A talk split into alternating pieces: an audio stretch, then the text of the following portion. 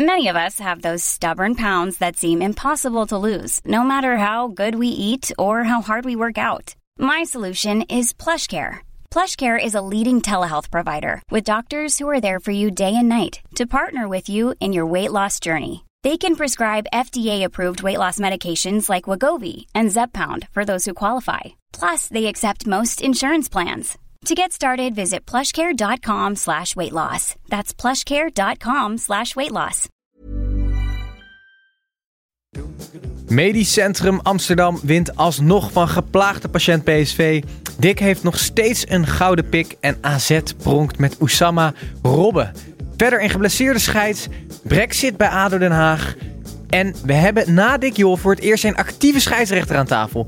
Dus met handen langs het lichaam en zonder gestrekte benen op naar 9 eredivisiewedstrijden in 45 minuten. Het is tijd voor de derde helft. Ik hoop dat toekomst koeken.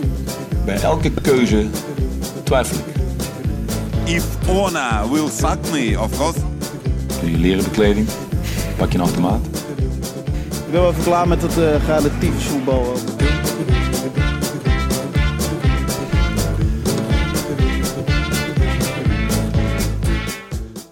Hallo luisteraars, Tiet is hier. Ehm, het is eigenlijk voor, het eerst sinds tijden dat ik weer op deze stoel zit en mij enigszins behoorlijk voel. Eh, dank voor alle bezorgde berichten die wij gekregen hebben via onze social media. En het panel vandaag, dat bestaat uit eh, Tim, en niet Tim Reserveur, maar onze eigen Tim Snijboon. En niemand minder dan scheidsrechter Jeroen Manschot. Ooit hadden we hem als lookalike met Sylvester Stallone. Dat kwam op Instagram. Toen kregen we contact. Uh, een aantal maanden later zit je hier toch? Welkom, leuk dat je er bent. Ja, dankjewel. dankjewel. Hoe is het? Goed. Ja, goed. Ja, dit is dit je debuut in een podcast? Dit is mijn debuut in een podcast, ja. ja het is de dag van de debuten voor scheidsrechters. Dat ook, ja. ja. Nou ja, op, ja, precies. Op het veld en in, in, in, de, podcast. Ja. ja. heb je een goed weekend achter de rug? Ik heb een heel goed weekend achter de rug. Ja, veel gevlogen, weinig gedaan. Waar ben je naartoe geweest? Ik kom net terug uit Saudi-Arabië. En daar heb je gefloten? Nee, ik ben uh, videoscheidsrechter geweest. Bij een Nederlandse scheidsrechter, Allard, die floot een wedstrijd. En ik ging mee als, uh, als VAR. En moest je veel ingrijpen? Uh, twee keer. Maar je kan toch ook wel gewoon VAR vanuit Nederland doen? Ja, dat dacht ik dus ook. Dat kan je ook gewoon vanuit je woonkamer doen. Want jouw carbon footprint, Jeroen, dat, gaat, dat is wel verschrikkelijk nu. Als de communicatie heel snel had gegaan, dan had het gekund. Oh, ja. Maar ik moet zeggen, zo'n tripje is ook wel leuk hoor. Dus, ja? ja? Maar je zit bijna net zo lang in het vliegtuig dan dat je daar op, uh, op, ja, op, de grond staat. Ja, misschien nog wel langer. Zo. Maar, maar en word je een beetje, een beetje luxe daarheen gevlogen dan wel? Of uh, opgepropt? Ja, nee, wij kunnen lang uit liggen en uh, wij krijgen drie gangen diner. Ja? Zo. Ja. ja. zo. Toch maar gaan fluiten, Tim, of niet? Ja, zeker. zeker. En krijg je dan ook in het vliegtuig van die, van die uh, oefenstof op zo'n scherm zo, met allemaal overtredingen? Nee, nee dat oh, moeten we allemaal zelf Zij hebben ook niet één zo'n schermpje. Ze hebben er zo, dan drie oh, op ja, een rijtje. Ja.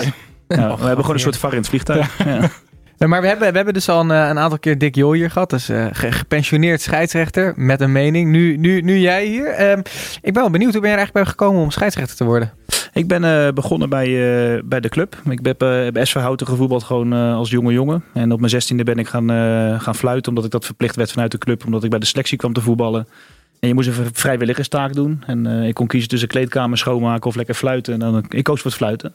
En twee jaar later ben ik eigenlijk begonnen met fluiten en voor de KVB. En vanuit daar ben ik uh, eigenlijk doorgegroeid. Oké. En, en nu is dit je fulltime job? Of, of, of, hoe werkt dat? Ben je vijf dagen in de week met, uh, met scheidsrechteren bezig? Ja, dat komt omdat mijn werk, ik werk parttime er nog naast voor 24 uur bij de KVB. Ook voor het fluiten. Ik doe dat videoanalyses voor, uh, voor de jeugdige scheidsrechters. Dus ik ben wel met arbitrage bezig, maar mijn fluiten zelf bestaat eigenlijk alleen maar uit de wedstrijden, trainingen en voorbereiding. Dus dat is niet echt uh, zeven dagen in de week dat ik dat aan het doen ben. Maar je bent bij elkaar opgeteld denk ik wel drie dagen in de week sowieso kwijt aan één wedstrijd. Ja? Ja? Oké. Okay. Nou, Bij videoanalyses van jeugdige scheidsrechters, dan bekijk je die op beeld? Ja, ja dat zijn wedstrijden uit de tweede divisie en uit, uh, uit de keukenkampioen divisie. Uh -huh. En dat zijn uh, scheidsrechters die in opleiding zijn, of dan een opleiding die gewoon jeugdige talenten zijn. En daar probeer ik ze mee te ondersteunen en om ze daar beter in te maken. Hm. Oké. Okay. Hey, er is in ieder geval uh, hartstikke veel gebeurd dit weekend. Natuurlijk hebben we Ajax PSV, maar daarnaast ook een aantal uh, mooie dingen rondom het scheidsrechterschap. Daar gaan we het ja. uitgebreid over hebben. Snijboon, jij bent een weekje weg geweest. Jij was aan het skiën volgens mij, zeg ik dat goed? Is zeker. Ik, ik, ik merk heb, dat ik me zo weinig heb geïnteresseerd in jouw leven buiten de derde helft, nu ik deze vraag stel. ja, dat is niet alleen deze week hoor. Nee, is... Maar heb, heb, heb, je ons wel een beetje gemist? Heb je ons nog teruggeluisterd? Ik heb jullie teruggeluisterd. dat, dat doen wij altijd al. Als, als iemand van ons er niet is, dan luisteren wij met een kritische kritisch oor luisteren wij terug. Uh, maar dat moest wel tussen de bedrijven in. Want ik heb een week lang uh, geappreskiet uh, en geskiet. onder andere met mijn schoonouders. Dus Wat een hel. Ik kan, ik kan het skiën of mijn schoonouders. nee, ik kan, ik kan nu zeggen dat ik de Lawine Boys live heb gezien met mijn schoonouders. Maar Lawine Boys, dat is van ja, ik heb seks met, een, ja, ik wist dat je dit ging zeggen. Ja, ja die hebben onder andere nummer. Ik, uh, seks met, ja, ik wist het.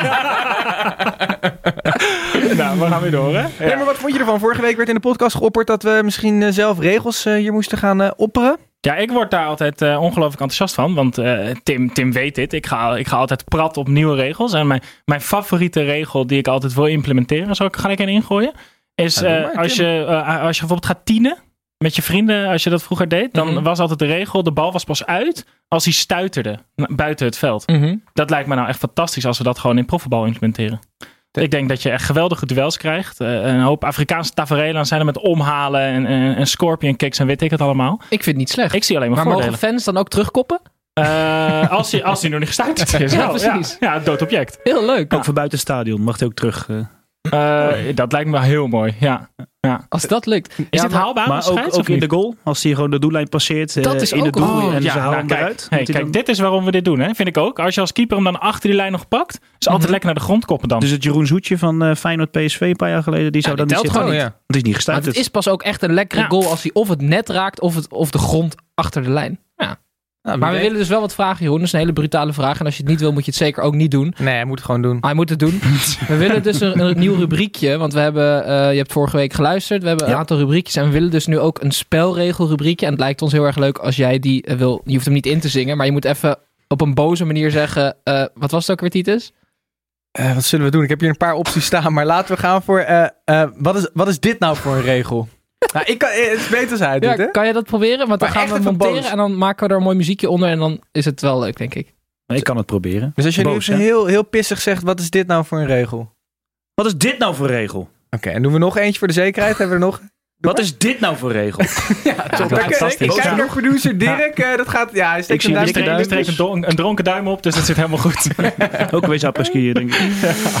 Jongens, volgens mij moeten we heel snel naar de wedstrijden gaan. Eh, want we hebben met z'n allen Ajax PSV gekeken. En dat was vanzelfsprekend de wedstrijd van de week.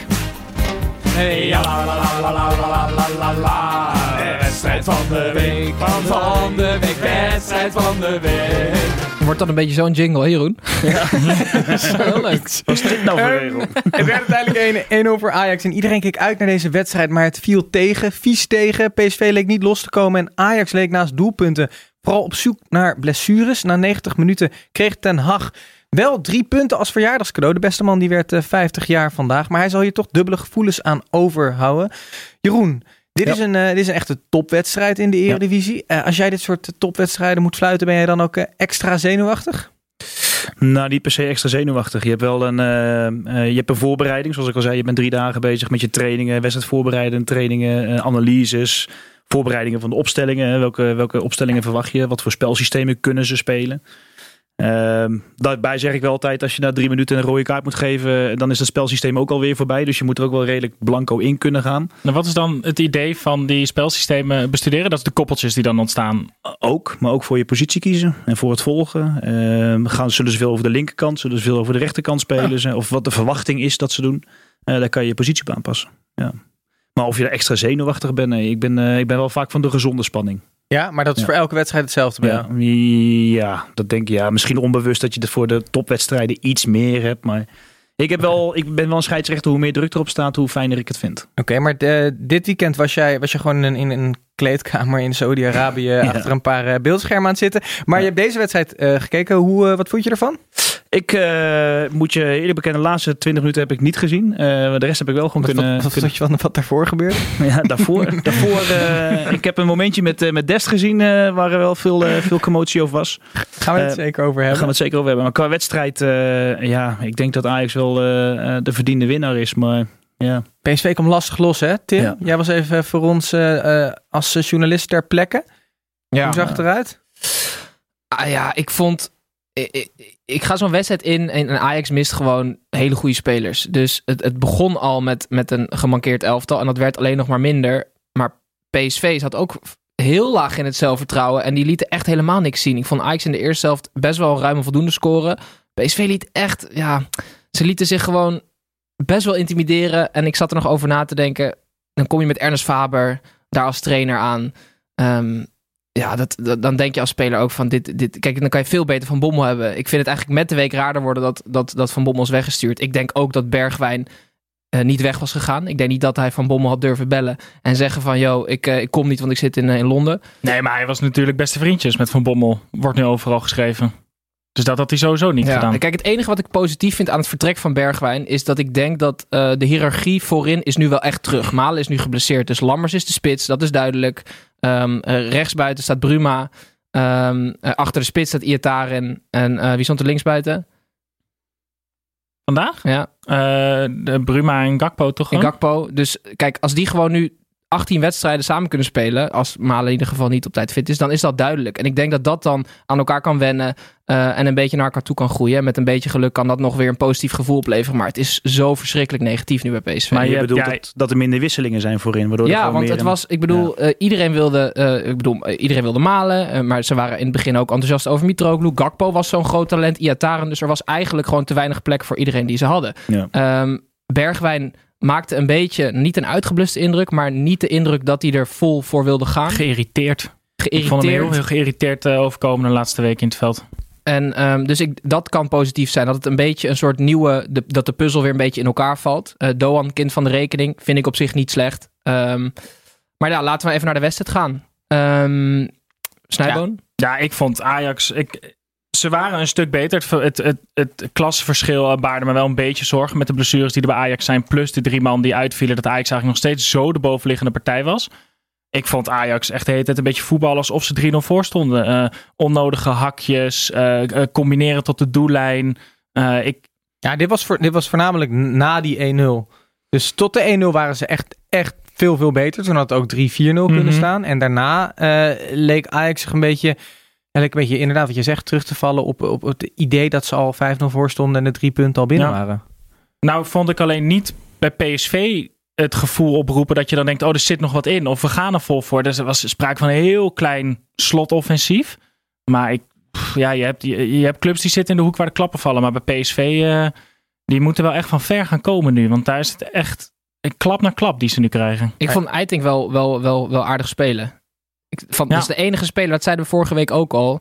Dat is de enige speler die, die gewoon een keer de bal hard naar voren durft te spelen over de grond in iemands voeten. Een beetje risico. Die neemt ook af en toe, maakt hij een foutje. Dat is ook helemaal niet erg. Kijk, die Gravenberg is enorm veel bezig om zichzelf te laten zien. Die wil mooie acties en, en, en dat komt er totaal niet uit. Zo'n Eh, bewijsdrang of zo. Ja, een hele, ja, precies. Hij wordt door iedereen al eh, ongelooflijk omhoog geschreven. Nieuwe rijkaart, dit en dat. En dan, ehm, ja, da- daar moet je maar mee om kunnen gaan. Dus Ja. ik neem het hem ook niet kwalijk. Maar die had gewoon in de eerste helft vier, vijf keer balverlies. En dan shockt hij weer terug. Dat is best wel kwalijk. Maar Eitingen is echt prima. Ik denk dat als hij een beetje wedstrijdritme krijgt. Want ook na 70 minuten was hij helemaal leeg. En daar kwam ook het slotoffensief van PSV uit. Ajax kon niet meer wisselen. Mhm. Ehm, Gravenberg moest de hele wedstrijd spelen. Die speelde al matig. Eiting raakte op. Ehm, ja, dan, dan, dan krijgt PSV nog een soort van gevoel. Oké, misschien valt er nog wat te halen. Die Madueke is trouwens een leuke speler. Die, eh, die, kan, eh, die kan gewoon een mannetje uitspelen. is ook wel leuk een keer, ja. Dat is leuk. Ehm, maar het was wel een beetje armoe, jongens. Zeker, maar Ajax had misschien eh, op een x aantal momenten er nog wel eentje in kunnen prikken. Eentje daarvan was toen Dest eh, richting het goal ging en langs Boskagli ging. En dan moeten we natuurlijk even aan de scheidsrechter vragen of dat allemaal wel volgens de regels was. Sterker nog, daar hebben we een jingletje voor. Scheidsie! Moet u niet even gaan kijken? Wat een var! Ik zou deze dus ook gewoon eh, in het stadion gewoon doen. Deze in het stadion. Ja, als, als, als, hij naar dat scherm loopt. Als entertainment tussendoor. Ja, ik, Ja. ik gooi gewoon even een balletje op. Hè. Kijk maar wat je mee Dus doet. bij de hockey hebben ze ook zo'n jingle, toch? Dan, eh, Ja, nou, maar volgens had, mij van Mission Impossible. eh. ah, wel entertainment. Ja. Jouw eerste reactie was geen penalty. Mijn eerste reactie was geen strafschop. Ik had het idee dat hij, eh, dat hij de speler opzocht. Ja, dat was mijn eerste reactie zoals ik hem wat overviewbeeld vanuit het midden Ja. zag. Ja. Als je de herhaling ziet, dan zie je wel dat er contact is. eh, waardoor een strafschop eigenlijk wel rechtvaardig is. Alleen dan is het de vraag, moet een VAR hier ingrijpen? Dat is natuurlijk de discussie die eh, heel Nederland krijgt. Is dit duidelijk fout? die vraag willen we nu aan jou stellen. Ja, ik denk dat ik als, als videoscheidsrechter hier ook vanaf zou, vanaf zou blijven. Ja, en waarom Ja. dan? Omdat er, ja, ik, heb de, ik heb natuurlijk niet alle beelden gezien. Hè. Ik heb nu twee herhalingen gezien. In Zeist hebben ze waarschijnlijk eh, 15 of 16 camera's die het, eh, die het beeld eh, vastleggen. En Fox zendt dat niet altijd uit. Dus die zullen waarschijnlijk meerdere beelden hebben gezien. En we hoorden de commentator ook net zeggen van waarschijnlijk wordt er nog een bal geraakt. Nou ja, als die bal dus al geraakt wordt. Ik heb het op de herhaling niet kunnen zien. Maar Nee. nogmaals, ik heb niet de juiste beelden gehad. Eh, als de bal gespeeld wordt, dan, eh, dan is het rechtvaardig om te zeggen... ja, we geven geen strafschop. Maar wacht even, Jeroen. Je wil als VAR neem ik ook aan zo eerlijk mogelijk verloop van de wedstrijd. Dus als jij ziet dat, want er wordt, je kan hierover twijfelen. Ja. Ehm, en je denkt misschien, oké, het is geen 100% fout. Dan ga je toch niet je mond houden als VAR. Dan zeg je toch wel, oké, ehm, wie was de scheids vandaag? Björn Kuipers. Björn. Ja. ehm, het zou best wel eens een penalty kunnen zijn. Je hebt geen 100% fout gemaakt, maar ga jij toch maar even kijken. Dat is toch veel logischer dan dat hij gewoon zegt van... het is geen 100% fout, dus ga maar niet kijken. Nee, ja, wij krijgen het verwijt in Nederland dat we veel te vaak voor het scherm staan. Eh, en ik heb eh, eh, in Saudi-Arabië bijvoorbeeld, daar wordt ook heel vaak gevraagd van ga naar het scherm. En dan gaan we gewoon zes, zeven keer per wedstrijd naar het scherm. Ja, maar daar krijg je ook betaald voor, hè? Ja, maar hier- hier in Nederland ook. Maar was gewoon een soort disclaimer. Ja, ja. Van, ik heb het op het scherm gezien, dus dan Nee, klopt maar- het. Ja, dan, dan, dan, dan is de acceptatie bij de spelers ook meteen. Want de scheidsrechter is wezen kijken. Ja, ik vind het nog steeds niks. Oké, dan accepteren we het. Ja, want volgens mij was het nu bij Dest was het verhaal, want de bal werd volgens mij niet geraakt. Maar volgens mij was het verhaal wat ik hoorde, was dat er iets voor te zeggen misschien viel dat hij Boskagli opzocht. Maar volgens mij was dat alleen maar omdat hij gewoon een schaar doet. En een schaar is een lichaamsbeweging. Ja. En je gaat naar binnen en dan naar buiten toe. Ja, ik, Mhm. ik vond het echt, echt een 100% strafschop. Ja. Want Boskagli die, die, die blokt hem gewoon en die raakt geen bal. Nee, als, als ik de beelden heb zoals ik ze nu zie, zou ik zeggen strafschop. Ja. Maar nogmaals, ik heb niet de, de echte beelden gezien eh, die ze in Zeist ook hebben gehad. En je zegt ook net terecht van volgens mij speelde die geen bal. Ja. Ja, volgens mij kan ik natuurlijk niet heel veel mee. Ik moet bewijs Ja. hebben dat het niet zo is. Ja. En dat is wanneer ik in moet grijpen of niet. Ehm, jongens, laten we even weer eh, ehm, het iets, bre- iets breder trekken. Want ik wil het toch even hebben over die, die zieke boeg van Ajax. Die al vrij eh, gevuld was. En nu werd aangevuld met Babel, Promes en Veldman. Eh, nu lijkt die Anthony nog te komen. Nou, Nee, dat, dat, kan niet meer. voorbij, hè, Ja, Titus? het is- we moeten Titus soms een beetje... Titus werkt zo hard dat hij niet meer weet welke dag het is. Het is inmiddels februari, Titus, dus ze kunnen hem niet meer kopen. Eh, nee, ze hebben op de laatste dag van de transferperiode volgens eh, Braziliaanse media een, een, een belachelijk bod gedaan van 15 miljoen met 5 miljoen aan bonussen. En dan nog 5 miljoen erbij als Sao Paulo af zou zien van de doorverkoopclausule of de transferrechten van Neres. Mhm. En de reactie van, van Sao Paulo was: we mogen dan wel in crisis zitten hier, maar ook weer niet zo diep. Eh, dus die vonden het een beetje een belediging. Ehm, volgens mij zou hij als vervanging moeten komen van Neres en eventueel Ziyech in de zomer. Wilden ze hem nu alvast halen zodat hij alvast kon wennen aan Nederland. Maar ze zijn dus wel heel erg bezig om hem warm te maken voor eh, aankomende zomer een overstap. Mhm. Ja, precies. Dat is bedoel wel, ik. ja, ja, precies. is wel eh, is lastig, want als hij nu een half jaar goed speelt, dat is een beetje hetzelfde met Richarlison Ja, wat toen precies. gebeurde. Dan worden de grote clubs ook wakker. Het is eigenlijk heeft Ajax zichzelf een beetje in de voet geschoten door nu een bod te doen, want nu wordt de rest wakker. De Benfica's van deze wereld die het ook kunnen betalen, Everton. Ehm, En hij gaat naar de Spelen hè, in de zomer. en hij gaat naar de Olympische Spelen. Dus eh, ja, als ze hem binnenhalen is het extra knap. Maar gaat, eh, niet, hij wordt niet goedkoper in ieder geval. Jongens, eh, we gaan het hierbij laten wat betreft Ajax en, eh, en PSV. Wij gaan door naar eh, de nummer twee. Dat is AZ. Die speelde eh, tegen RKC Waalwijk. En ze begonnen, in ieder geval de mensen, eh, mannen uit Waalwijk, die begonnen prima.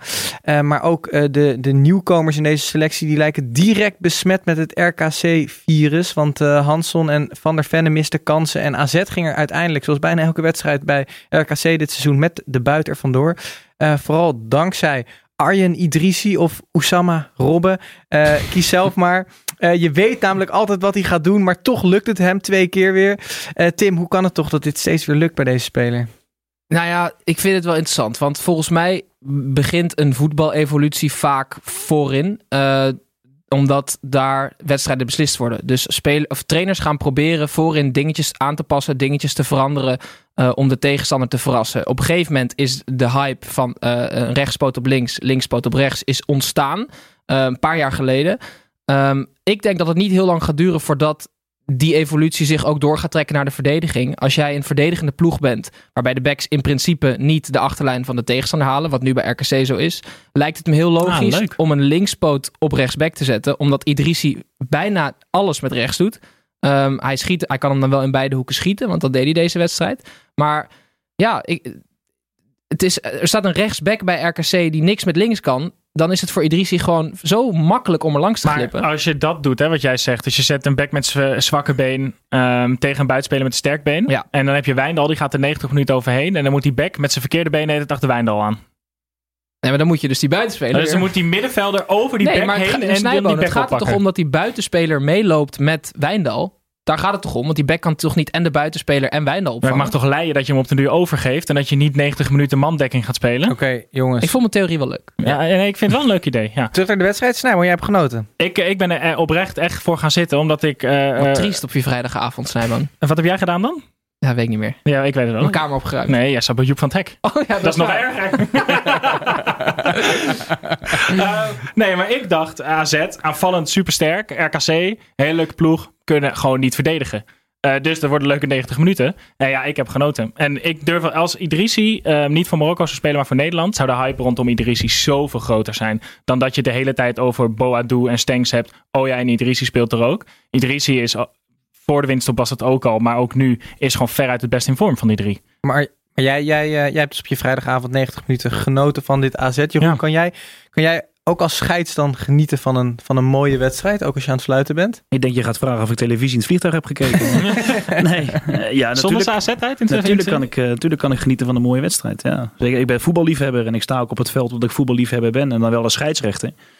Maar als scheidsrechter heb je ook je ambities. En je wil gewoon bij de mooiste wedstrijden, bij de beste spelers in de grootste stadion staan. En daar geniet je gewoon volledig van. Maar ook als ik op televisie wedstrijden zie, kan ik van dat soort wedstrijden echt wel genieten. Ja. Ja? En heb jij dan ook wordt. Heb dan ook als scheids in Engeland had je volgens mij was dat, eh, was dat Mike Dean was het? Die eh, dan eh, dat een doelpunt viel en dat hij heel goed voordeel had gegeven. En dat hij echt zo, Ja, zo yes. juichend Ja. met zijn hand omhoog terug ging. naar de- Dat hebben wij die behoefte wel eens? Ja, die behoefte heb ik wel en dat doe ik wel in mijn hoofd. Ja, ja, ja. Of dat je een vingertje naar het publiek of zo.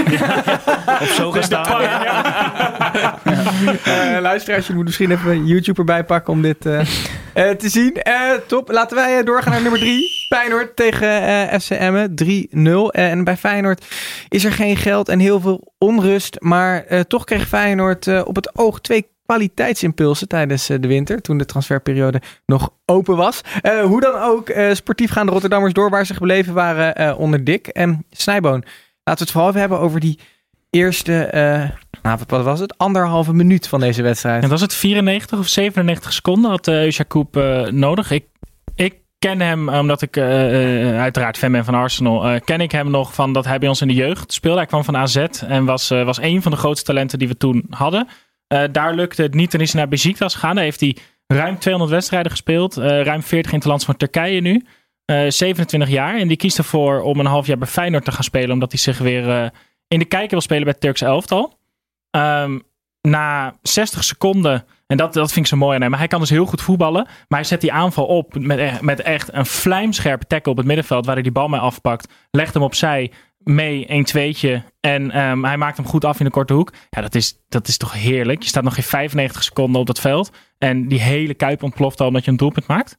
Die gozer kan niet meer stuk het komende half jaar. Jeroen, heb jij gezien hoe Eusja Cup online uh, werd aangekondigd door Feyenoord? Nee.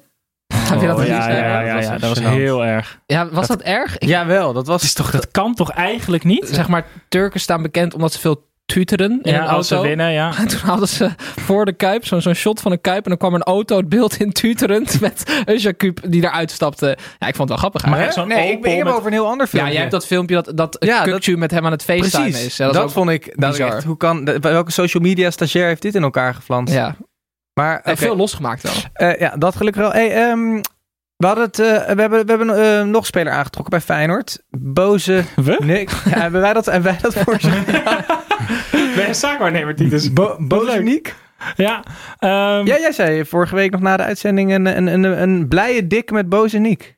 Zei ik dat na de uitzending? Hij heb ik jou gebeld skiën. toen? Ik, ik keek Tim aan, toch? Oh, vanuit de Ghost heb ik jou toen gebeld.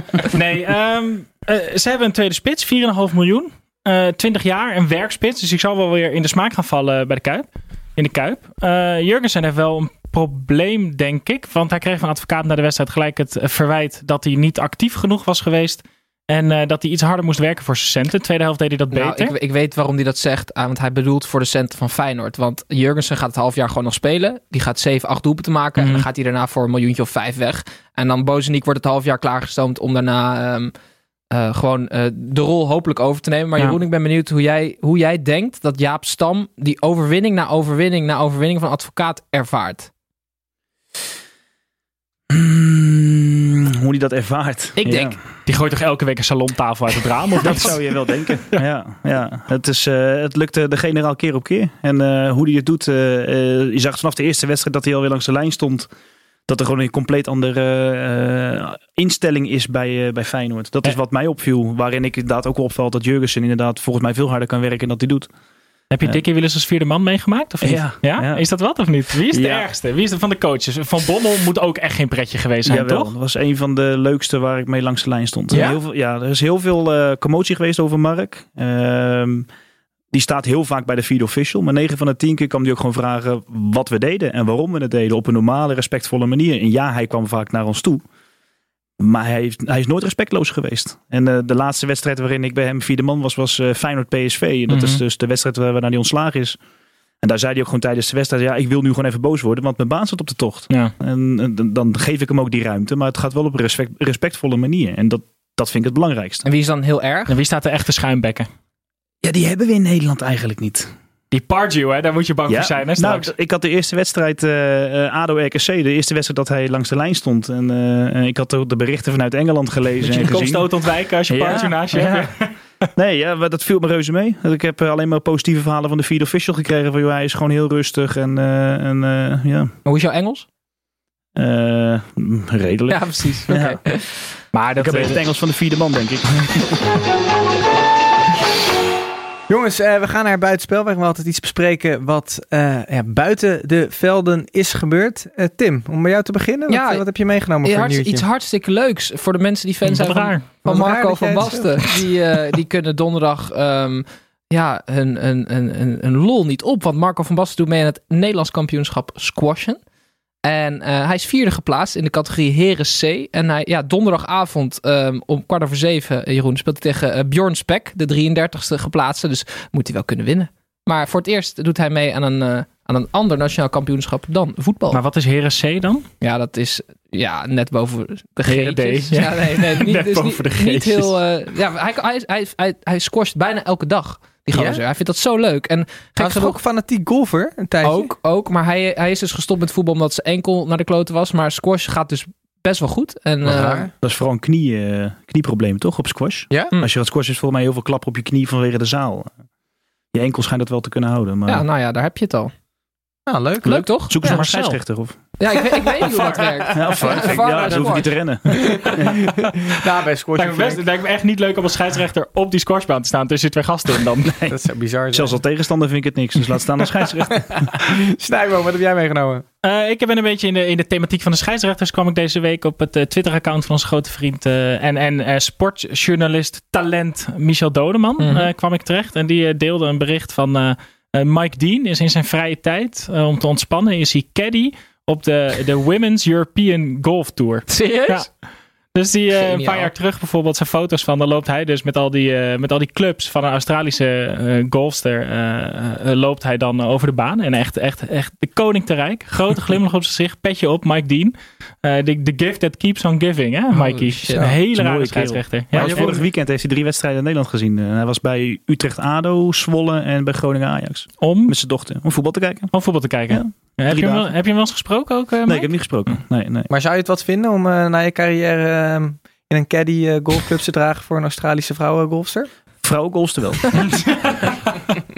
Oké. Joost Luit hoeft niet te bellen. Nee. Ja, ja met een flinke portemonnee misschien. Maar. ehm, Jeroen, heb jij nog een buitenspelletje meegenomen? Ja, een soort van buitenspelletje. Eh, de rentree van Dede Blind op het trainingsveld. Oh, zeker. Ja, leuk. Is mij, eh, is mij positief opgevallen. Om, eh, om, eh, ja, ik vind het goed om te zien dat hij goed is bewaakt. En dat er, dat er veel mee is gedaan. Dat hij niet meteen weer het veld is opgestuurd. En het is natuurlijk positief om te horen en te zien dat hij weer terug is. En ik hoop dat hij het niveau weer gaat halen wat hij, wat hij kan halen. Ik vind toch wel. Ja, je hoorde verhalen van hij. Je, je hoorde helemaal het begin verhalen van hij gaat nooit meer eh, zijn oude niveau halen. Dan hoorde je hij gaat niet meer het einde van het seizoen halen. Dan vind ik het toch frappant en een beetje eng dat hij dan in één keer vanuit het niets weer in één keer daar is. Ehm, ja, het zal wel, ja, misschien zijn het gewoon te negatieve gedachten. Maar ik, ik ben altijd bang, is dat dan niet te vroeg, weet je wel? Maar er is Ja, ook... ik denk, ze hebben natuurlijk met Nouri hebben ze natuurlijk eh, ook heel veel meegemaakt binnen Ajax. Dus ik denk dat ze wel extra voorzichtig zijn geweest in het hele proces met Daley Blind. Ja, ik hoop het. Maar dat, ja, zeg, dat zou je niet zeggen als je ziet wat er gebeurd is op het veld. Want die jongen die zakt in elkaar vanuit het niets en ze laten hem verder spelen. Dus, Wat, nou ja. wat vind je daarvan? Oh, dat is zulke momenten krijg je, eh, maak je als scheids natuurlijk ook mee. Dat jij als scheidsrechter eigenlijk misschien op bepaalde momenten denkt... ik weet niet of dit zo veilig is. Ja. Eh, Ik heb ooit een keer een, eh, een speler, eh, ik vroeg hem wat voor dag het was en hij zei dat het vrijdag was terwijl het zaterdag was. Toen heb ik gezegd, dan ga je nu ook wisselen, want ik wil niet dat jij verder voetbalt. Die wist ook gewoon de echte dag niet meer. En die had, was kop tegen kop. En, ja, ik Maar hij vind, probeerde, ja, ik hij vind- probeerde dat het dus wel. Dat Hij is wel probeert nog in de buurt, Jeroen. Ja. Als je had, als je had gezegd dinsdag, dan oké, eruit. Nee, maar dat was mij wel een teken van eh, eh, dit moet je niet willen. Dat moet je ook eh, volgens mij als medische staf helemaal niet willen. Eh, zeker Nee. als het hoofd tegen hoofd is of uit het niets in elkaar zakken. Dat is voor mij ernstig genoeg om te zeggen van eh, kom er maar meteen vanaf. Maar heb je wel eens van die dokters die dan zeggen... ja, dit kan wel weer dat je denkt... nou, volgens mij heb jij je diploma ook bij de cornflakes gekregen dan? Eh, eh, nou, dat wil ik niet zeggen. En Ik denk dat ze allemaal professioneel genoeg zijn. Maar ik had de laatste een die had, die had last van zijn arm. Maar toen vroeg ik ook van jou, kan je misschien buiten de lijnen kunnen wij verder? Ik denk ja, als je arm, iets aan je arm hebt, dan kan je best lopen. Maar die scheen door zijn arm dus ook echt misselijk te zijn. Dat was ja, vorige week met Zeefuik. Die kreeg een klap Oh, op zijn arm en die bleef liggen. Die had echt pijn. Maar die werd er gewoon misselijk van. Zei, Ja, als die misselijk is, dan moet je hem wisselen. Want dan, Ja. Nee, nee, nee, toch niet misselijk. nee, Dus dan, dan, dan willen ze weer niet wisselen. maar het is, ja, eh, het is niet aan ons om dat te bepalen. Maar eh, op dat moment vond ik wel dat ik het moest bepalen dat die speler moest wisselen. Ja. Ja, ja. Ehm, we hebben nog zes potjes eh, te gaan. Dus eh, laten we vooral dat ook gaan bespreken. En Willem 2, die het nog steeds naar behoren doen. Die speelde thuis tegen Heracles Almelo. Het werd 1-0, Snijboon. Willem 2 houdt alles eh, op de rit en pakt ondanks een stormachtige slotfase gewoon drie punten. Cyril Desser stond gewoon in de spits. Maar eh Snijboon, geheel in thema, stond de scheidsrechter centraal deze wedstrijd. Hè? Ja, Kevin Blom. Die, eh, Bernie Raymond. Bernie Zo heet hij toch Ja. echt? Ja. Maar waarom, waar- eh, eh, is dat een soort artiestennaam, Kevin? Want daar hebben we het wel eens eerder over gehad. Maar hoezo? Dat is zijn roepnaam is Kevin. Ja. Ja, Maar je, je roepnaam kan je er echt gewoon verzinnen dan. Ja, Snijboon. Ja, Snijboon. Oh nee, dat staat op je geboortekaartje ook echt. Ja, precies. Ja. Maar Snijboon, door. Eh, ja, hij, eh, hij had nergens last van. Het was, het was een ontzettend slecht veld. Dus eh, normaal geven de scheidsrechter de schuld. Laten we nu gewoon de- het veld de schuld geven. Eh 13 minuten hield hij het vol. En toen, eh, toen ging hij ging die naar binnen. Op Twitter werd veelvuldig gevraagd of hij misschien, misschien heel nodig naar de wc moest. Eh, maar het bleek al snel dat hij een kuitblessure had. En eh, hij stond heel netjes. eh, tijdens de onderbreking stond hij Fox te woord. En ik genoot daar wel echt van. Want je ziet een scheids niet heel vaak op die manier. Maar hij, hij was echt gewoon een professional die door een blessure niet die wedstrijd af kon maken. En hij baalde daar echt als een stekker van. Dus hij zei ook van ja, ik vind het ook echt gewoon balen. Maar ik, ik kan nu niet de spelers garanderen dat ze een scheidsrechter krijgen die optimaal in vorm is. Dus ik heb me laten wisselen. En daardoor mocht eh, Robin Henschens Ja. Mocht zijn, eh, zijn debuut in, het, in de Eredivisie maken op 26-jarige leeftijd. Je hebt toch wat wel dan wel weer mooi was. Dat, je, dat het eh, na de winter mogen die koeien eh, voor het eerst weer naar buiten. Zo liep hij. Zo liep Ja, hij het zo, voor het ja, eer- Was ja, het zijn debuut, hè? Ja, als een soort koeiendans. Zo ongelooflijk. hij paradeerde die zo het veld in. Dat was echt prachtig. Ja, het, is wel, het is wel raar. Hè? Er, er is natuurlijk nog een debutant geweest vandaag. En die, eh, die leeft natuurlijk al een week na deze wedstrijd toe. Dus die kan zich ook voorbereiden. En als je als vierde official, dan heb je maar één taak. En dat is zorgen dat de wissels goed zijn. Dat je de scheidsrechter ondersteunt daar waar die je nodig hebt. En je hebt een heel ander soort voorbereiding. En totdat je in één keer je oortje hoort van... eh, ik kan niet verder, bereid je maar vast voor. En dan gaat de knop om. En als jij pas één seizoen in de keukenkampioen-divisie fluit... eh, en nu gelijk in de eredivisie een wedstrijd moet fluiten... niet zomaar een wedstrijd. Willem II draait natuurlijk hartstikke goed. Eh draaide hartstikke goed. Nou, vandaag wel weer wat beter.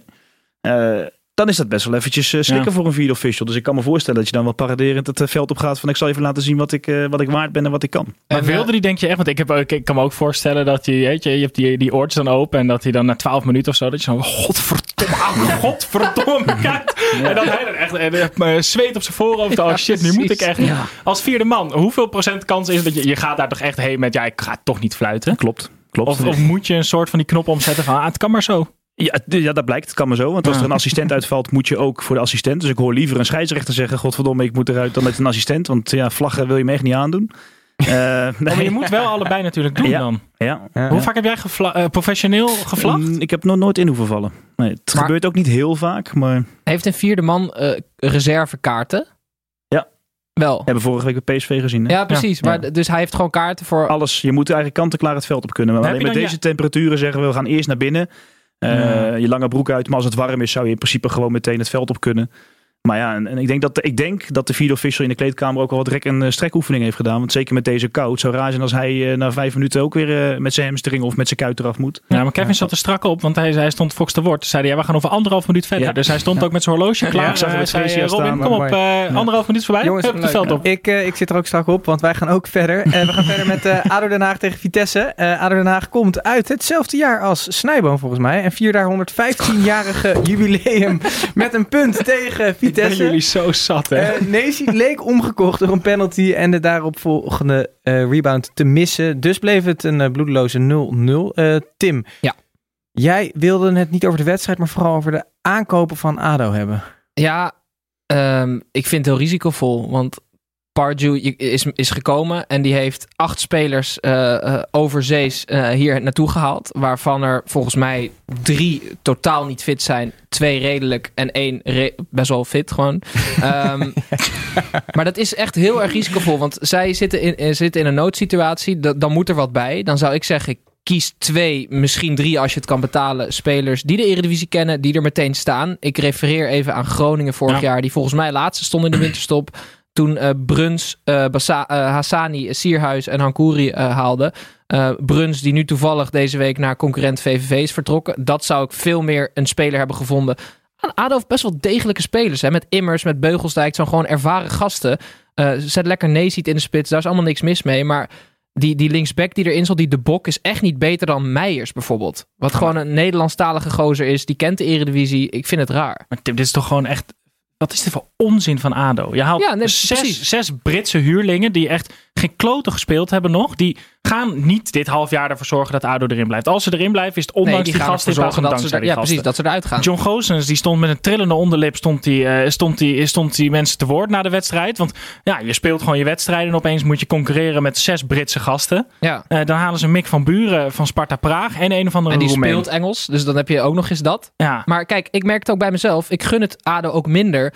Een een rechterflank met Milan van Ewijk, die nu verhuurd is aan Cambuur. En Summerville is hartstikke leuk. En nu heb je de Bok en, en allemaal rare Engelse spelers waar niemand wat mee heeft. Hij dus, krijgt eh, eh, Roda JC gevoelens krijg je bij. Dat Ja. was ook dat ze vreemdelingen laat ze maar lekker degraderen.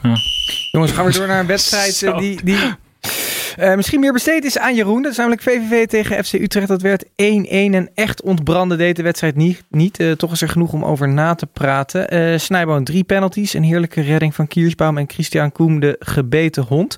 Rondje VAR op afstand te doen? Nou, dit... Kijk, Jeroen.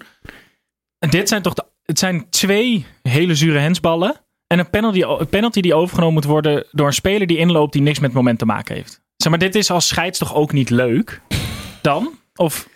Nee. Zeg maar, die, die penalty opnieuw moeten laten nemen. Dat is Ja. toch een beslissing die als scheids ook met lood in je schoenen dan moet nemen? Eh, ja, Of ik niet? heb ook liever, als we een spelregels kunnen veranderen, is dat een spelregel die ik zou, zou willen veranderen. Ja. Oh, kan je even die jingle anders opnieuw eh, inzingen? Dan kunnen we nu live... eh, Wat is dit nou voor regel?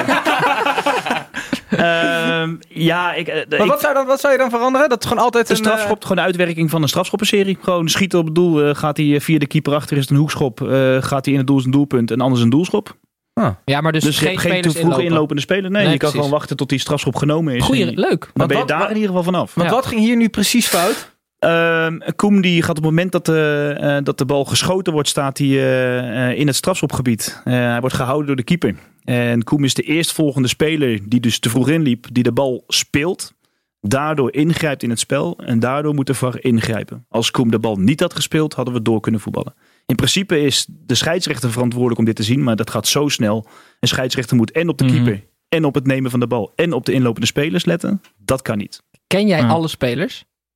Ik ken niet alle spelers. Nee, En- jij noemt net zes Britse namen bij ADO, die ken ik. Nee. en Nou, die hoef je ook niet heel lang te leren kennen als ze- dat Tim noem je ze bij voornaam in het veld? Eh, vaak achternaam. Ik heb ooit een keer gehad dat ik iemand bij zijn achternaam riep, dacht ik, maar dat bleek de sponsor te zijn. Dus ik, ze heten Sico. AMRO. Ze, ze bleken allemaal hetzelfde te heten. allemaal broers. Ja. En hoe noemen ze jou? Ehm, ja, gewoon vaak wel Jeroen of Scheids. Maar Of de- de- lul. ja, lul, klootzak, dat soort dingen. Ja. En dan luister ik ook sneller. Hoor. Dan weet ik zeker dat ik het ben. Dat snap ik. Ik heb een weetje, niemand wil het weten. Ja, ik heb een weetje. Ik vind het echt lekker, al die jingles. Ik kan echt van genieten. Eh, dit- Zelf ingezongen door jullie ook, of niet? Zeker. Ja, ja. Ja, Goed, wij, hebben geen geld om mensen in te huren. wij fluiten niet in Saudi-Arabië. ik ook niet. Zo. Oké, komt ie. het weetje is dat de familie De Boer, dus Frank en Ronald, die doen er alles aan om eh, betrokken te blijven bij eh, het Nederlands voetbal. Eh, Frank de Boer heeft namelijk twee eh, beeldschone dochters. Hij heeft er trouwens drie, eh, die allemaal wel beeldschoon zijn. Maar de eentje is in relatie met Joey Coy. Ja, En de ander is in relatie met Kelvin Stenks. Ja. Dus het weetje wordt eigenlijk door Jeroen gegeven. Want mijn vraag is, mag Joey Coy Kelvin Stenks fluiten? Want zij zitten bij elkaar in het kerstdiner, denk ik. Ik denk dat zij af en toe Ja. in het weekend elkaar tegenkomen in Huizen de Boer. Ja. Mag Ik dat? geloof dat ze ook wel eens samen richting, eh, Enge, richting Amerika zijn gegaan voor, eh, voor eh, Frank. Maar dat- ja, dat mag. Ja, ik zou niet weten waarom niet. Nou ja, Nou. eh, objectiviteit eh, in het geding. Ja, maar we, hebben de VAR, hè. Dus eh, Ja? ja, Oké. Maar dan Nee, mag ik- ik zou- ik zou ook VVV inzien. fluiten, bijvoorbeeld. Eh, dat zou in de kern eh, denk ik ook Want mogen. volgens mij heeft hij dat nog nooit gedaan. of Want waarom zou dat Hij is namelijk oud-speler van VVV. Ik dacht Nee, dat ik zie daar geen probleem in. Eh, ik denk dat elke scheidsrechter eh, eh, ja, gewoon integer genoeg is om zijn wedstrijden te doen. Ja, dat zal ja. En het is zeker ook voor de toekomst van Joey. Het is natuurlijk een, een aankomend, eh, aankomend talent. En eh, eh, het zou natuurlijk zonde zijn als hij zich daardoor laat beïnvloeden. Maar je ik, zou ik maar- ken Joey, dat doet hij echt niet. Je zou hem uit de, uit de wind kunnen houden, omdat er ook wel kans is op, op, Ja, compensatiegedrag. Ja, maar dat zullen ze in Zeist moeten bepalen. Ja. Ja. Dat Stenks het veld op komt geel. Die kreeg nog te goed van gisteravond. van 30 seconds. Ja. Dat zou kunnen. Rood wordt je bij het eten zijn. Ja. Dat zou kunnen. Oké jongens, Zwolle tegen FC Groningen 1-0. Ehm, in onze eredivisie kan alles in een week anders zijn. In eerste instantie stond Jeroen Manschot eh, vorige week nog FC Groningen te fluiten. Maar in deze week eh, wonnen ze dus eerst van Ajax thuis. En daarna kregen ze op de broek van een degradatiekandidaat in Pek. Ehm Sierhuis, die vorige week nog scoorde tegen zijn oude ploeg Ajax. Die is momenteel verkast naar Stade Rijms. Jeroen, mag je als scheids eigenlijk ook transfereren naar een andere competitie? Ehm, dat zou vast wel mogen, maar of het kan, weet ik niet. Kijk, jij kan niet zeggen, ik ga nu eh, in, de, in de Premier League aan de slag. Nee, dan zou ik gewoon op het laagste niveau moeten beginnen. Ja. Ja? Oh, je moet je echt We hebben natuurlijk ook Mark dan. Lattenburg, die, eh, die is gestopt in Engeland. En die eh, is daarna de scheidsrechters in Saudi-Arabië aan gaan stellen. En is daar gevraagd door China om in China te gaan fluiten. En dat mag gewoon, ja. Maar dat was gewoon een verzoek vanuit het land zelf. Maar het is niet zo dat als ik nu de Premier League bel, dat ik zeg van, joh, ik wil nou in de Premier League fluiten. Dat, eh, zo werkt het niet. Nee. Stel, je wordt gebeld door. Stel de Belgen die, die zeggen nu: kom bij ons fluiten. Ja? Gewoon vast. En Ja. we verdubbelen je salaris. Zou je dan gewoon naar België gaan? Nee. Tuurlijk wel. Nee. Nee? Waarom Waarom niet? niet? Omdat ik het eh, Nederlands voetbal veel leuker vind. Ik vind het veel attractiever. Ik vind het veel, eh, de stadions zijn veel groter, zijn veel meer gevuld. eh, betere voetballers. Niks te nadelen van de Belgen. Maar Maar Ben zou je jij de derde ook helft, niet voor, eh, dus. zou jij de Belgische versie van de derde helft opnemen voor het dubbele van je salaris? 100 Gewoon voor de, voor de helft ook. Ja, precies. Nee, zo klaar.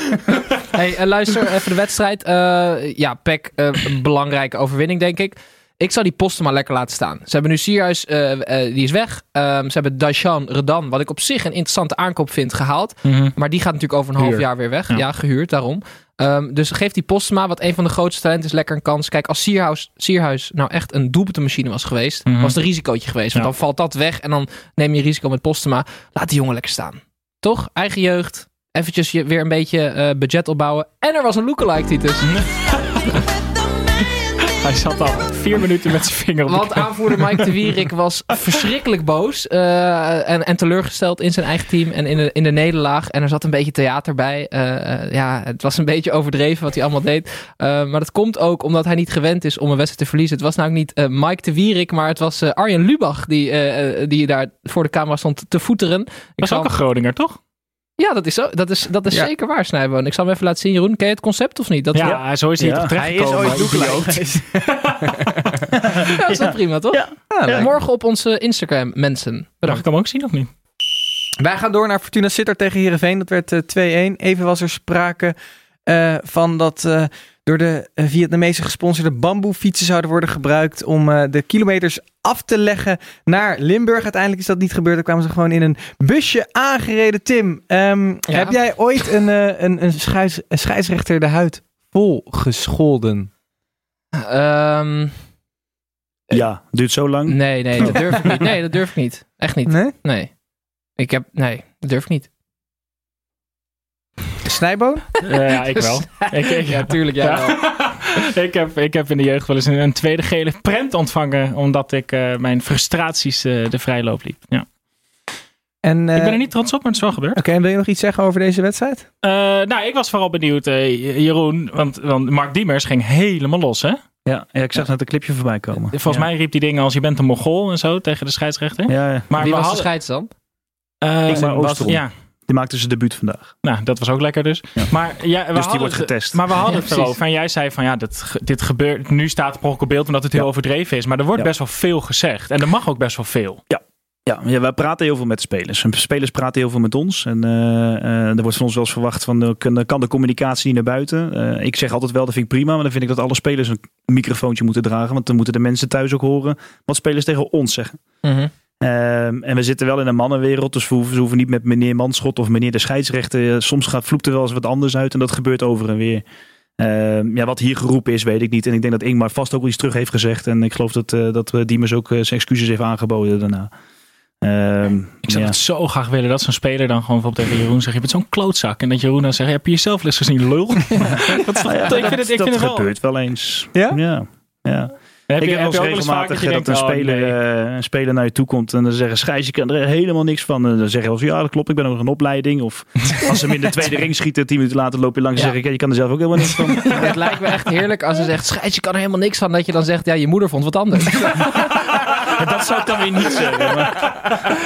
Ja, dat ze het over mijn moeder zeggen, oké. maar... Oké, jongens, we gaan naar eh, de laatste wedstrijd. FC Twente tegen Sparta Rotterdam. Dat werd eh, 2-0. Twente lijkt op de weg terug eh, en, en, en, en pakt weer drie punten. Eh, Jeroen, ze en eh, vooral Tim zeggen dat eh, Noah Lang nogal arrogant overkomt. Wie is beter ten eerste mee eens? En wie is dan volgens jou de, de meest arrogante, arrogante speler van de eredivisie? Ik ben het er niet mee eens. Zover ik Noah ken in het veld, heb ik daar geen negatieve ervaringen mee. Ehm, het kan op beeld misschien wel uitzien hè? dat Mhm. iemand een arrogante houding heeft, maar eh, ik heb het dus niet zo meegemaakt. En wie is de meest arrogante speler? Zijn er echt spelers die echt geen blik waardig gunnen? Nee. Nee, ik ben het eerder andersom. Want spelers willen altijd iets van mij en ik hoef niet altijd iets van spelers. Dus ik zal Je eerder... bent heel hard to get in het veld. Ik ben heel hard to get. Ja. Nee, ik zal eerder wegdraaien dat een speler dat doet. Want een speler, wat ik zeg, een speler wil van mij graag iets hebben. Eh, en ja, soms moet ik daar gewoon niet meegaan. En dan draai ik me maar weg en loop ik, loop ik weg. En dan ben ik de arrogante lul. Hey, maar, maar dat hard to get werkt best wel goed bij jou. Want jij bent de eerste gast die een vrouw heeft meegenomen die nu in de studio Ja, zit ja. tijdens de uitzending. Ja. dat is de Ik weet- manager. Ja, precies. Oké, ik zal geen verdere vragen Ik stellen. heb nog niks, je hebt nog geen echt verkeerde dingen gezegd, want er zijn nog geen handgebaren eh, van achter gekomen. Nee, nee, dat klopt. Ehm, maar en, en, en coaches, eh, trainers, zitten er daar vervelende... Ja, eh, we, hadden, we hadden het hier, hier voor de uitzending even over dat, eh, dat, dat Henk uh, Vrezen-Frazer ehm, het jou wees op een, een, een corner van 60 meter afstand. Ja, gisteren bij, eh, bij eh, Twente Sparta. Of inderdaad, dat, Ja. was, dat, was, dat was niet jij, maar toen, toen zou, zou... Ja, Ja, dan, dan, dan, dan de trainer is. ja zegt, kom ik... Echt uitstekend hoor, met voedselvergiftiging mee weten. De trainer eh, gaf in een interview aan dat het eh, onbegrijpelijk was dat de arbitrage het op zo'n korte afstand niet kon zien. En dat hij het op 60 meter wel meteen zag. Dat is Ehm, toch top hè? Ja, als een trainer tien keer met zijn armen in de lucht eh, gaat, dan zal hij vast wel een keer gelijk hebben. En in dit geval heeft hij gelijk. En eh, eh, Henk is wel een type die gewoon ook altijd met respect omgaat. Die gaat ook gewoon na de wedstrijd, komt hij naar je toe, geeft hij een hand. Wie is niet zo'n type? Die is niet een arrogante type. Nee, wie, is, zeker. wie is niet zo'n type die... die Hij wil die echt graag namen horen. Ja, ik wil gewoon even weten wie, Ja. wie nou... ik, ik heb op dit moment niet in Nederland trainers waarvan ik denk... En andersom, spelers of trainers waarvan, waarvan je denkt, oh, als ik hem moet fluiten, oh, dat is chill, want hij is zo aardig. Of oh, met hem kom ik er altijd wel uit. Ja, dat had dus met Van Bommel heel erg. En dat, dat, dat, dat begrijpen mensen niet. Die vonden hem juist heel... eh eh, Jurgen Streppel had ik dat vroeger altijd. Oh, Willem Jans is zeker ook heel aardig, of niet? Willem Jansen. Ja, Ja? ja. ik heb daar geen je. probleem mee. Nou ja, nee, ik Nee. denk, Willem Jans denk altijd, als je niet fan bent van Utrecht, is het de meest gehaat speler van de Eredivisie. Maar als je fan bent van Utrecht, vind je het fantastisch volgens mij. Maar ik ben geen volgens mij fan van Utrecht. hoor. Nee, maar hij is wel heel aardig, maar het is wel een lul. Eh, een aardige lul. Ja. Ja, misschien dat. Ja. Eh, jongens, we zijn al een beetje in verzand, maar we, we gaan nu eindigen met eh Fan Talk, waarin eh, luisteraars vragen kunnen insturen over wat dan ook. Hallo fans, wie gaat er zinnen? Hier is Tom. Ehm, om te beginnen bij eh R.J. Barendse, die vraagt welke derde helft lid zou de beste scheidsrechter zijn volgens Jeroen Manschot? Ik eh, denk Tim. Ja? Ja. En En eh, waarom dan? Nou, eh, ik, eh, als ik hem hoor praten over de voetbal, over eh, tactieken, ook dat linksbenige rechtsachter moeten gaan staan en zo. Ja. Dat is leuk, hè? Ja, Dat is leuk. Ongelooflijk. Mag ik wat aan jou vragen? ja tuurlijk. Ik heb hem ook ingestuurd, Tieten. Zie je hem staan of niet? Ja, ben jij TN23? dat ben ik. Ja, en hij is aan Jeroen. Ja, Jeroen, eh, die warming-up van de arbitrage is die? toch Van een is die? aanfluiting. Dat, is, dat, dat komt van Tim. De warming-up van de Ik vind arbitrage. dat echt comedy capers. en dan vooral grensrechters die dan ook Nepvlaggebaren met maken. nepvlaggen. Wat Ja. is dat nou? Maar dat doen we in Nederland doen we dat niet hoor. Dat hebben we bij Telstar laatst gehad, dat waren Belgen. En we Ja, hebben het ooit een keer dat- gehad Ja? in de Europa League en in de Champions League dat we met de additionals werkten. Degene op de achterlijn, zeg maar, die met een Oh, die- stokje. Nee, die maar die- dan nep Ja, deed die die zuurstof. de- Ja, ja, ja. En die deed dan inderdaad nep kijken alsof Ja. de bal wel of niet Ja. achter de lijn was, terwijl er Dat niks... zijn comedy capers. Dat is toch niet normaal? Maar dat doen wij als Nederlandse arbitrage, heb ik ze nog niet eh, kunnen ontdekken. ah ja, maar ik Als, heb jou, ook... als jouw assistent dat zou doen, zou je dan zeggen, doe jij eens even heel gauw normaal? Dat denk ik wel, ja. Ga jij maar even wisselen met die vierde man. Eh, ja. Mag maar je dat, dat er eigenlijk- niet, maar... Een Sorry, ik heb heel veel vragen ineens. Mag je ook een grensgeel geven? Want je mag de trainer ook geel geven. Nee. Waarom niet? Omdat het een eh, official is, een wedstrijdofficial en geen teamofficial. Net als politieagenten, die hoeven zich ook nooit aan de regels te houden, toch? Ja, wat zit je nou? Jongens, eh, laatste Dat vraag. is zo'n rare Jeroen, man eh, eigenlijk. Eh, Jeroen Overschie, die wil eh, van Jeroen Manschot weten wanneer je voor het laatst brak bent geweest. Voor het laatst brak ben Ja. geweest. Ah. Nou ja, vanmorgen. ja. ja. Ja, ik kwam redelijk brak het vliegtuig uit. Maar als in brak omdat je gewoon heel moe was of omdat je heel veel gedronken had in het Nee, vliegtuig? moe. Oh. En wanneer echt gewoon vanaf van een goede borrel? Eh, Die trainingskampen van de KNVB die gaan ook helemaal los, toch? Altijd. Da Niet ja. meer, niet meer. Dat is in sinds Turkije ze- geweest. Ja, ja maar- sinds ze over dat balkon klommen mag dat allemaal Ja, niet meer. ja, ja. Wat je je, moet toch je onderbroek pakken, hè?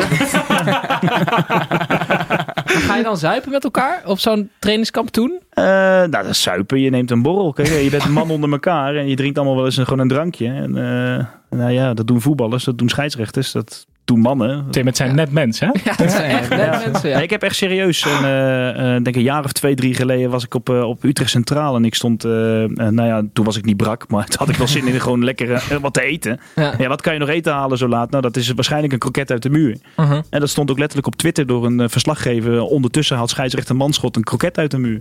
Dat was dus nieuwswaardig. En er stonden ook allemaal berichten onder. Ja, het is net een mens, het is net een mens. Blijkbaar mag dat niet. En blijkbaar mogen wij eh, als sporters eh, ja, niet een kroket eten of een biertje Ah, drinken. Jeroen van ons mag alles. Eh, hartstikke bedankt dat je er was, want het zit er voor deze uitzending eh, weer op.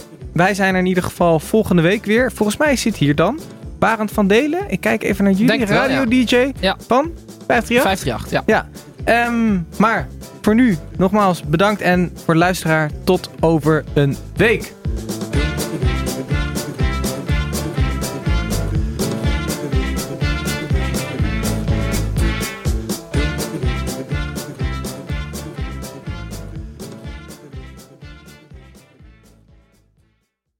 Whether she's a pet mom, a plant mom, or the mom who raised you, celebrate Mother's Day this year with the gift she'll use all the time. Get up to $400 off Peloton tread, row, guide, or bike packages, and choose from accessories like our heart rate band, row mat, cycling shoes, and more. This is the perfect gift for mom to explore what gets her moving. Whether she has five or 20 minutes, she can choose from classes like techno rides, country walks, or an 80s row. All access membership and guide membership separate. Offer ends May 14th, 2023. Excludes Peloton tread, row, bike, and bike plus basics and Peloton guide standalone. See additional terms at onepeloton.com. Ruben Tijl, Ruben Tijl. Wacht Ruben, even, zijn er Tijl, nou twee Ruben. Tels of twee Rubens? Twee Rubens, één Tel. Drie mannen. Eén midlife crisis. De meeste mannen dragen dan niks meer bij in de maatschappij en die gaan motorrijden. Ja, maar wij nemen een podcast op. Dus luister, Om de vrijdag naar Ruben Tel. Ruben, De podcast!